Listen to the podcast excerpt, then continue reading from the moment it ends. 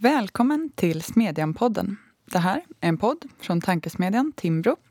Jag heter Katarina Karkainen och idag ska vi prata om bostadsmarknaden och hyresregleringen.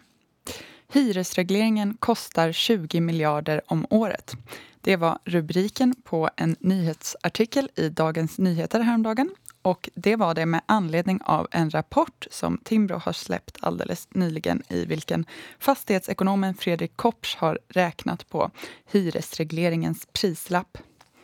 Vad är de oförutsedda konsekvenserna av hyresregleringen? Hur fungerar, eller inte fungerar, bostadsmarknaden? Vad har historiskt varit intressena som har styrt politiken?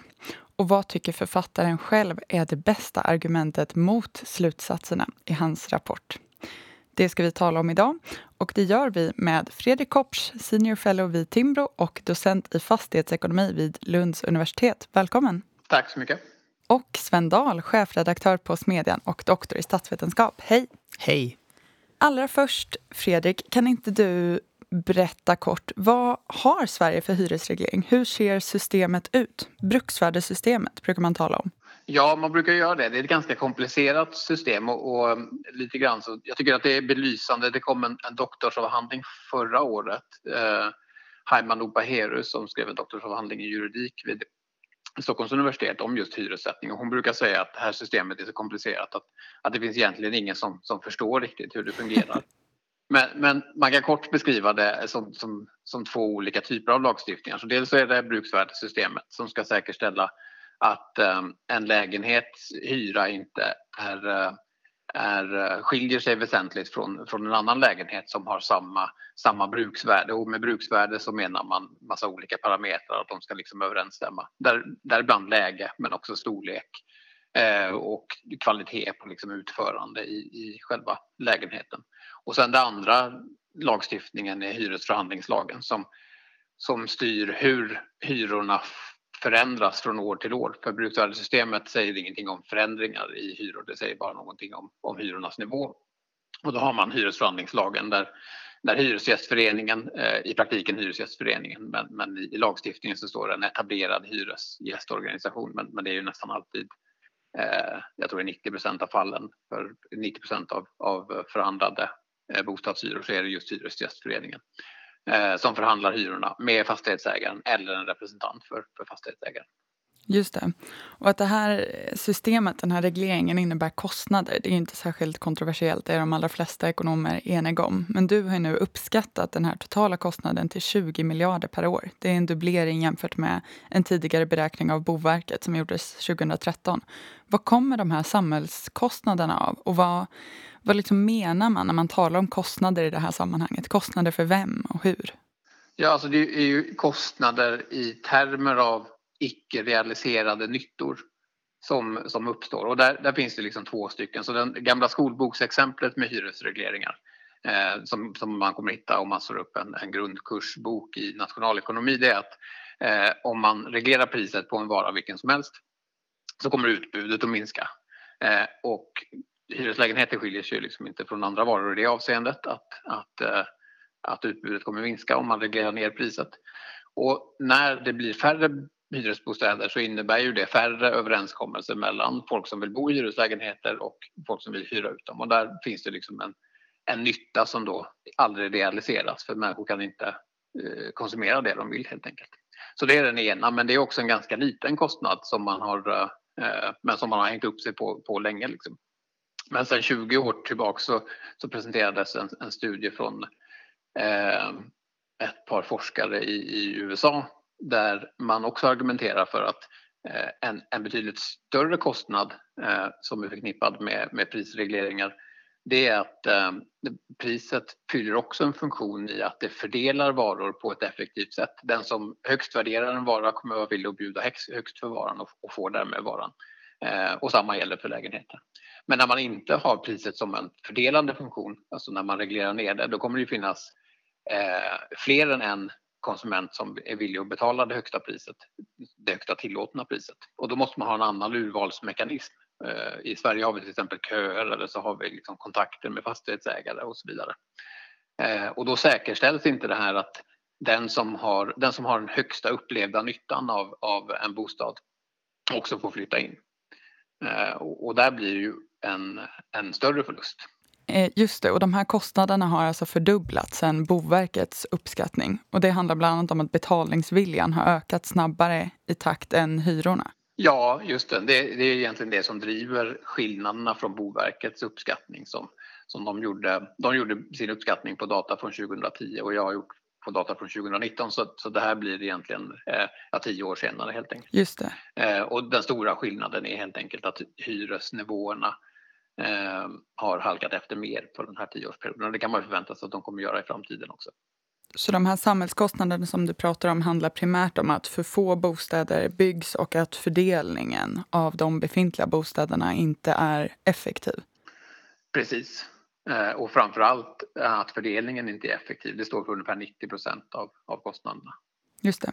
Men du menar ju också att andra uppskattningar inte fångar in hela den här välfärdsförlusten eftersom den inte tar i beaktande de kostnader som är kopplade till privilegiejakt eller rentseeking. Vad innebär det? Precis, och där har man, brukar man beskriva eh, bara i förbegående när man, när man tittar på de här kostnaderna. Så eh, sättet att beräkna de här kostnaderna är liksom tekniskt sett att man tittar på massa ytor i eh, eh under efterfråge och utbudskurvor. Eh, men när man reglerar eh, priset då gör man ju det så att eh, hyran som får tas ut nu är lägre än vad hyran hade varit på en fri marknad. Och det innebär ju att den som, som faktiskt lyckas hyra en lägenhet eh, får en, en subvention eh, i, i, i den bemärkelsen att man behöver inte längre betala den där högre hyran. Och det är ju liksom en överföring i det här fallet, inte en subvention som, som många brukar tänka sig, en subvention där, där staten eller det offentliga betalar ut pengar till hushållen, utan där man genom lagstiftning eh, flyttar ett värde från fastighetsägarkollektivet till hyresgästkollektivet. Och hela det här värdet har jag också uppskattat eh, och, och det uppgår till 23 miljarder Eh, och där tycker jag att man har missat i liksom tidigare diskussioner av hyresregleringens kostnader att, att, bara överföra 23 miljarder från en ganska resursstark grupp som är fastighetsägarna till en annan ganska resursstark grupp som är hela hyresgästkollektivet. Det kommer ju inte att ske helt friktionsfritt och utan kostnader och utan liksom en kamp om att försöka ta en del av den här eh, kakan som då är 23 miljarder kronor stor. Du skriver att eh, hyresregleringen skapar misär. Det är starka ord. Ja, precis. Och jag tycker nog ändå att man eh, har, ganska starkt fog för att säga det. Det, det finns ju eh, alltså hyresregleringen och här tycker jag är de lite mer viktiga kvalitativt beskrivna kostnaderna av hyresregleringen vid sidan av att man också kan uppskatta eh, samhällsekonomiska kostnader i, liksom, i monetära eh, termer. Just det. Men det här att, att unga människor inte kan flytta till, till utbildningar som de vill ha eller att, att andra inte kan ta jobb i attraktiva eh, orter som de vill ha eller ännu värre som, som brukar skrivas om återkommande att, att eh, vissa tvingas stanna i parrelationer som, eh, som de inte vill stanna i för att det finns inga alternativ. Man kan inte hitta en bostad i, i närheten. Det, det tycker jag är, är det, man kan inte beskriva det på så många andra sätt än, än misär. Nej, men precis. Det är som de eh, mänskliga konsekvenserna som inte alltid kommer, kommer fram när man diskuterar sådana här frågor. Mm. Men hur ser då alternativet ut om man försöker skissera det? Om man avskaffade hyresregleringen, hur skulle det gå till? Vad skulle det få för konsekvenser? Ja, jag har ju ett förslag som jag brukar hålla fast vid och, och det handlar om eh, man får fundera på vad, vad vill man liksom att hyresmarknaden ska kunna uppfylla för olika typer av, av syften. Och där eh, har jag ju landat i att man kan inte ha eh, hyror som får förändras från, från dag till dag. Så en hyresvärd eh, kan inte bara komma till en hyresgäst och säga att eh, nu tycker jag att, att din hyra ska stiga med 50 procent. Eh, så mitt förslag har, har, varit under några år att, att tvinga fram tioåriga kontrakt genom lagstiftning. Så ett hyresavtal måste vara tio år långt om, om hyresgästen vill ha det. Om man vill ha ett kortare kontrakt så ska det också vara möjligt förstås. Och min förebild här är, är marknaden för, eh, för bostadslån. Och den är ju inte framreglerad men där, där finns det ju en möjlighet att binda sin ränta på 10 år eller på nu 30 år sedan, något år tillbaka, jag tror Danske Bank eh, lanserade ett sånt lån. Då får man ju en förutsägbar boendekostnad Eh, man vet vad den kommer vara och man vet vad räntan är. Man vet hur stort ens bostadslån är. Och det, det tycker jag är en viktig aspekt. Det är viktigt att ha den möjligheten för, eh, för hushåll. Det kommer ju naturligtvis att kosta en, en premie precis som det gör med, med bostadslånen. Eh, så det är vad jag liksom ser framför mig som ett, ett vettigt system. Det stora problemet brukar ju vara övergångsperioden dit för att då har vi ju de här 23 eh, miljarderna då som, som nu är överförda från fastighetsägarkollektivet till hyresgästkollektivet. De måste ju på något vis omfördelas till ett annat sätt. Eh, eh, och, och, det görs ju inte helt, helt smärtfritt förstås Nej. över en natt. Så där får man ju ha en övergångsperiod över, över tid. Vad skulle du säga är det bästa argumentet mot det här förslaget eller argumentationen i din rapport eller liksom marknadshyror i stort? Finns det något som är särskilt värt att ta i beaktande? Ja, alltså jag kan tycka det som brukar lyftas men som jag då inte jag, jag tycker inte att det finns några särskilt starka argument för att reglera hyror överhuvudtaget. Eh, men det som brukar lyftas det, det, är ju att när man reglerar ner hyrorna så, så säkerställer man att att eh, hushåll med låga inkomster kan bo till liksom rimliga boendekostnader. Eh, och, och, det är ju förvisso sant att, att man kan bo till rimliga boendekostnader om man reglerar ner hyrorna. Men mitt stora problem med det argumentet det är att när vi har ett system som då ska omfördela, vilket hyresreglering ju gör, då tycker jag också att det är viktigt att man, man säkerställer vem som får ta del av omfördelningen. För det är inte så att vi Eh, jag, jag vet, mig veterligen så finns det ju ingen som, som argumenterar för att vi ska ha en omfördelning från fattiga människor till rika människor till exempel. Utan de flesta människorna som, som är för omfördelning, eh, de vill ju ha en omfördelning från de som har, har resurser och kan klara sig själva och kan klara sig själva även om man tar lite resurser från dem till de som inte kan klara sig själva. Och det tycker jag är jätteviktigt att ha en sån träffsäkerhet när man har eh, all typ av omfördelning. Eh, och där finns inga starka belägg alls för att hyresreglering fungerar på ett, ett, eh, ett träffsäkert sätt utan snarare motsatsen. Just det. Med det här taget i beaktande, då, vad är den politiska bakgrunden till hyresregleringen? Hur ska man förstå dess liksom, uppkomst och fortblivande? Sverige var ju långt ifrån ensamma om, om det här. Under första världskriget blev det relativt vanligt med reglerad hyra. Det infördes väl först i Sankt Petersburg. Under andra världskriget blev det mer regel än, än undantag. Hur ser du på det ur ett statsvetenskapligt perspektiv? Man tänker ju också, eller jag gör, på liksom Per Albin Hansson och de här idéerna om liksom folkhemsbygget under 1900-talet. Jo, men det är självklart att det finns en sån aspekt i det. Att det här är väldigt mycket en produkt av, av så här, ja, men det socialdemokratiska Välfärdssverige. Och det kan man väl också se med tiden hur, hur, denna, hur det här blivit en väldigt stark symbolfråga för Socialdemokraterna. Och inte minst hur banden mellan Socialdemokraterna och Hyresgästföreningen är en helt central komponent för att förstå alltså att det här systemet som mm. egentligen väldigt få tycker funkar särskilt bra lever vidare ja, mm. men år efter år. Det är som en del av Socialdemokraternas intressesfär. Ja, men man skulle kunna beskriva det så. Men faktum är ju att då det säger väl också någonting om hur, hur investerade Socialdemokraterna blivit i det här systemet att väldigt få borgerliga politiker har haft intresse eller vågat utmana det här systemet och börja ifrågasätta det. Att det här är först i, det är först i slutet av 90-talet, början av 00-talet som, som borgerliga politiker på allvar börjar fundera på, borde man inte reformera det här? Mm. Samtidigt som jag menar den nationalekonomiska kritiken av det här, den har ju funnits ända sedan, sedan man började införa de här regleringarna.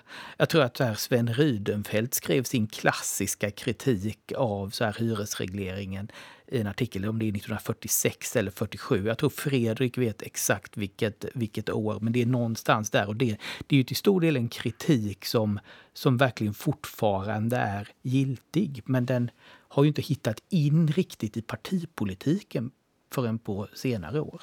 Nej, och även under liksom allianstiden för de borgerliga partierna så framstår det här som väldigt svårt och känsligt. Centerpartiet drev frågan tidigare, men det dröjde. Om man tänker på mer modern tid, 2017, stämman när Ulf Kristersson valdes till partiledare tills Moderaterna då röstade igenom ett ja till marknadshyror mot partiledningens förslag. Folkpartiet gjorde en omsvängning i frågan hösten 2015. Hur, hur kommer det sig? Ja, men det finns ju så klassiska exempel på borgerliga politiker som, eh, som i så här breda ordalag pratat om att man måste så här förändra hyresmarknaden. Men sen sagt, men jag är absolut emot marknadshyror. Just, och det säger ju också något om att det här begreppet marknadshyror, hur det har satt sig som någonting väldigt negativt. Mm. Om man ska ge Hyresgästföreningen någonting så är det väl deras skicklighet i, att opin i opinionsbildning, att man verkligen etablerat det här begreppet som någonting väldigt negativt. Mm. Men, men egentligen om man tittar på det på ett lite större, lite bredare perspektiv är det här ett, egentligen ett klassiskt exempel på hur regleringar leder till vinster som är koncentrerade på ganska få händer medan förlusterna är väldigt utspridda. Och i den typen av situationer blir det ju ja, från politiskt håll väldigt enkelt att endast se till dem som ja, men har mest att förlora och eh, som ropar högst i debatten. Mm. Och för de borgerliga partierna ska vi väl komma ihåg att ganska många av dem som har att förlora på en avreglering kanske är de som bor i väldigt attraktiva lägen i Stockholms innerstad och som röstar borgerligt. Och det är klart att det krävs ganska mycket för att utmana det, den intressegruppen. Och det är väl så man ska förstå att det här varit svårt för för de borgerliga partierna att, att faktiskt driva frågan. Ja, men precis. Det finns som ett eh, public choice-problem där liksom allmänintresset kan vara stort men det är ganska vagt medan intresset hos de här specifika individerna som träffas av regleringen är ju väldigt starkt. Ja, jag tycker det är intressant att se just Hyresgästföreningen ur ett sånt perspektiv också. Att, eh, att eh, Hyresgästföreningen är ju ett klassiskt exempel på hur ett särintresse lyckas framställa sig som ett allmänintresse. Alltså det här är en intresseorganisation för, för människor som bor i hyresrätt. Inte en intresseorganisation för människor som har ett intresse av en fungerande hyresmarknad. Men ändå lyckas man på något sätt, sätt framställa sig som en organisation som värnar hyresrätten. Mm. När man i själva verket värnar det systemet som vi har idag och, ja, men, och som ju ger Hyresgästföreningen en väldig styrka genom det förhandlingsmonopol man de facto har och som man drar in ganska mycket pengar till organisationen på. Så att det mm. finns ju ett väldigt starkt intresse där att bibehålla systemet. Vad säger du Fredrik? Det här är inte bara en eh, liksom, svensk fråga heller. I alla länder där det införts eh, hyresreglering som tillfällig krigslagstiftning då, som under krigen så har det ju visat sig vara rätt svårt att gå till en friare modell. Hur kommer det sig från ditt perspektiv?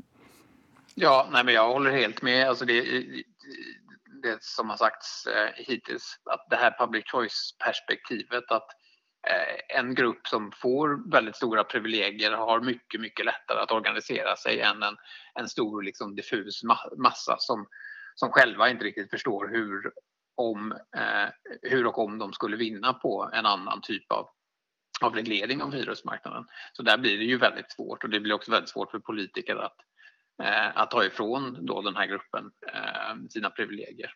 Så jag tror att det är liksom den, den stora eh, det, det är den stora liksom knäckestenen egentligen. Och det finns ju exempel på, på avregleringar. Finland är ju ett, ett, ett, eh, som ett av mina favoritexempel som har seglat upp på, på senare tid. De avreglerade 1991 så började de eh, i, i en liksom trestegsmodell där de hade ett system som, som till mycket liknade vårt.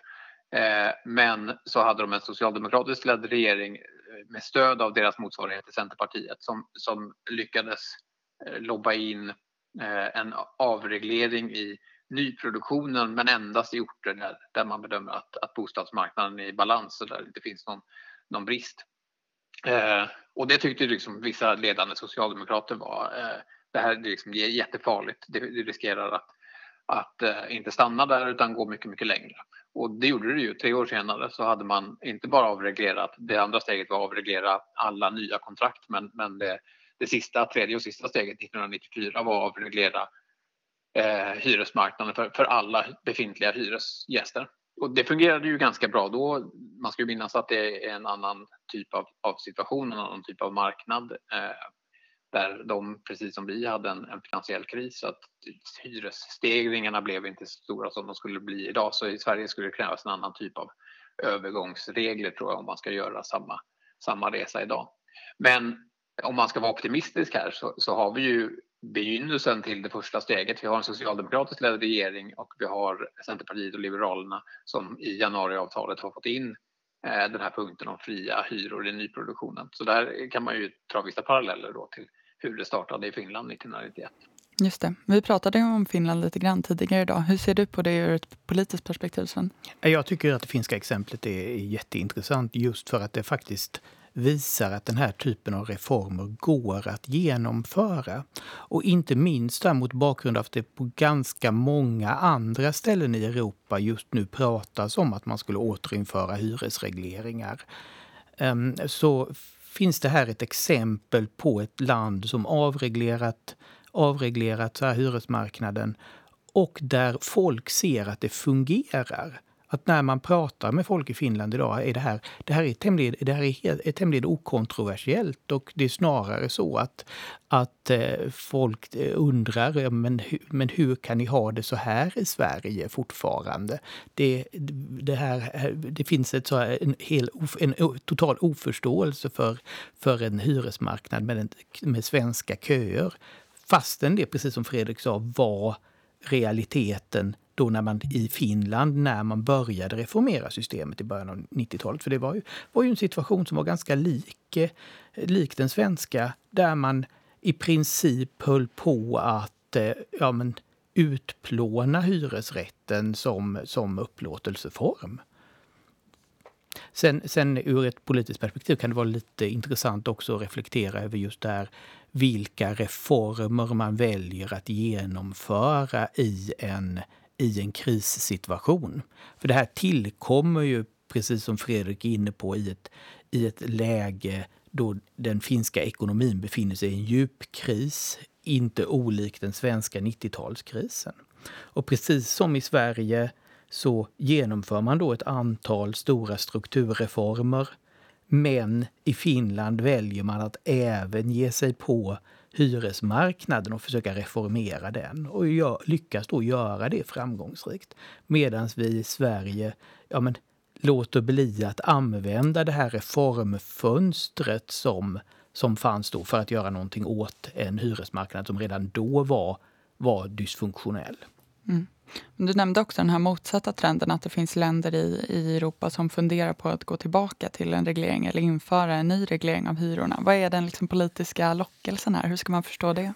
Jag tror att, man, att det är en väldigt enkel, eh, en väldigt enkel så att ja, kan man erbjuda människor billigare bostäder eller, så här, eller lägre ökningstakt på hyror så tänker man att det går att, det går att vinna mycket. Alltså det är ett klassiskt politiskt, eh, ja, men, klassiskt politiskt eh, instrument att eh, erbjuda, erbjuda den typen av fördelar. Sen måste man väl också se det mot bakgrund av att det här handlar om, handlar om städer där det varit till exempel ja, men, det har, med, med väldigt stark tillväxt och man kan ha haft väldigt lågt bostadsbyggande på vissa ställen. Och att, det, att du har fått en bristsituation på det sättet. Mm. Hur ser Sverige ut idag i ett europeiskt perspektiv, Fredrik? Sticker vi ut eller är det här den vanliga modellen? Nej, vi sticker ut eh, ganska rejält. Det gjordes en, en eh, eh, det skapades ett hyresregleringsindex för ett antal år sedan, två tyska forskare eh, som, som har tittat på ett antal olika aspekter i hur eh, förhållandet mellan hyresgäst och hyresvärd regleras. Och, och Sverige är eh, med råge det mest, mest reglerade, eh, den mest reglerade hyresmarknaden i, i Europa. De tittade på europeiska länder som jag minns det. Mm. Så vi sticker ut eh, eh, ganska rejält. Dels i, i den bemärkelsen att vi har har kraftigt reglerade hyror för i princip alla men också i en annan bemärkelse att vi inte har ett särskilt hyressystem för de med, med lägre inkomster vilket nästan alla eh, europeiska länder har. Och där kan man väl säga att de särskilda system som andra europeiska länder har för hushåll med lägre inkomster de brukar också vara kopplade till ett, ett hyrestak eller olika liksom sätt som trycker ner hyrorna eh, genom subventioner. Så de systemen brukar likna det svenska men med skillnaden då att i Sverige kan vem som helst flytta in i de här billiga lägenheterna. Kan vi ta Finland som exempel som ett land som har så här avreglerat hyresmarknaden men samtidigt har man ett, har man ett sånt system för, för, för människor med låga inkomster parallellt.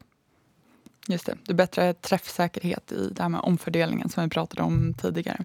Men exakt det och, det, och, en, och en politisk transparens i det. Mm. Men i Sverige då, redan idag så finns ju presumtionshyror som man får ha i nybyggda hyresrätter en begränsad tid som inte då styrs av det här bruksvärdet. Och till det som vi har varit inne på så kommer ju januariavtalet som säger att fri hyressättning ska införas i nyproduktionen. Är vi på väg att införa marknadshyror? Ja, eh, man kan ju hoppas. Jag, jag tror att det finns finns en möjlighet. Presumtionshyrorna ser ju inte jag som, som så fria. De har ju varit problematiska för de ska ju dels ska de förhandlas med Hyresgästföreningen och det har visat sig vara problematiskt i många fall att förhandla med Hyresgästföreningen eller fastighetsägare uppger att, att de tycker det och då, då finns ett annat system vid sidan av det här som man brukar kalla för egensatta hyror. För den möjligheten finns ju i Sverige. Man får ju, det finns ju inget det finns inget eh, juridiskt hinder mot att sätta precis vilken hyra du vill som fastighetsägare.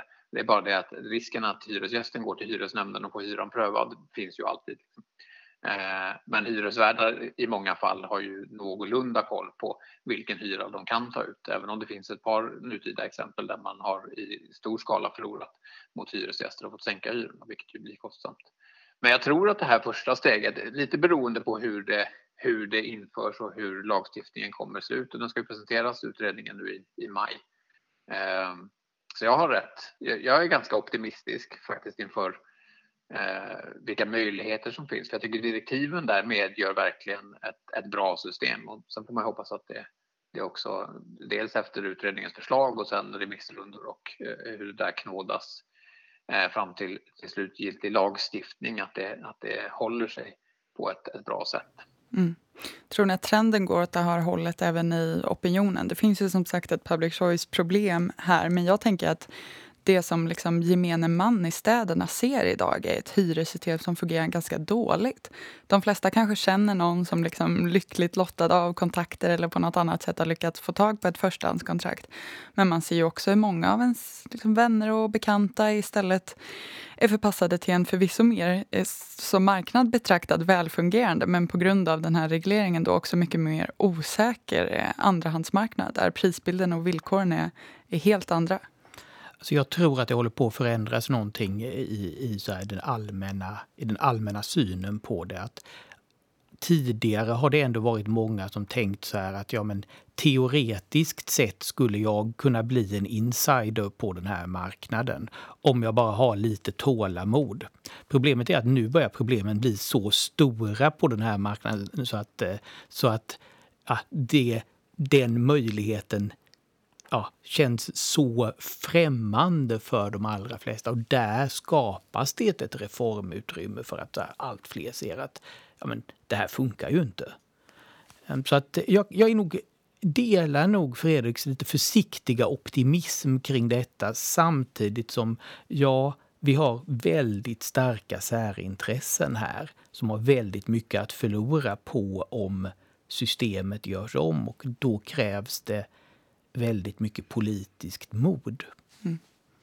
Ja, jag tror att ett, ett, alternativ, om jag får, får tillägga där, är att istället för att reformera just hyressättningssystemet så kan man komma att få se eh, en reformering av hur lägenheterna fördelas. För jag tror att det här med, med kötider som då särskilt i Stockholm, de är ju så långa att eh, eh jag brukar titta ibland på liksom de, de, som är längst kötid och det är ju folk som ställer sig, jag är nästan 40 år gammal, Eh, det är folk som ställde sig i kö när jag föddes som, som, som, får några av de här mest attraktiva lägenheterna. Och det finns ju ingen möjlighet för mig att konkurrera med det förstås, för jag, ställde mig inte, jag hade inte den liksom, eh, jag förutsåg inte det och ställde mig i kö då.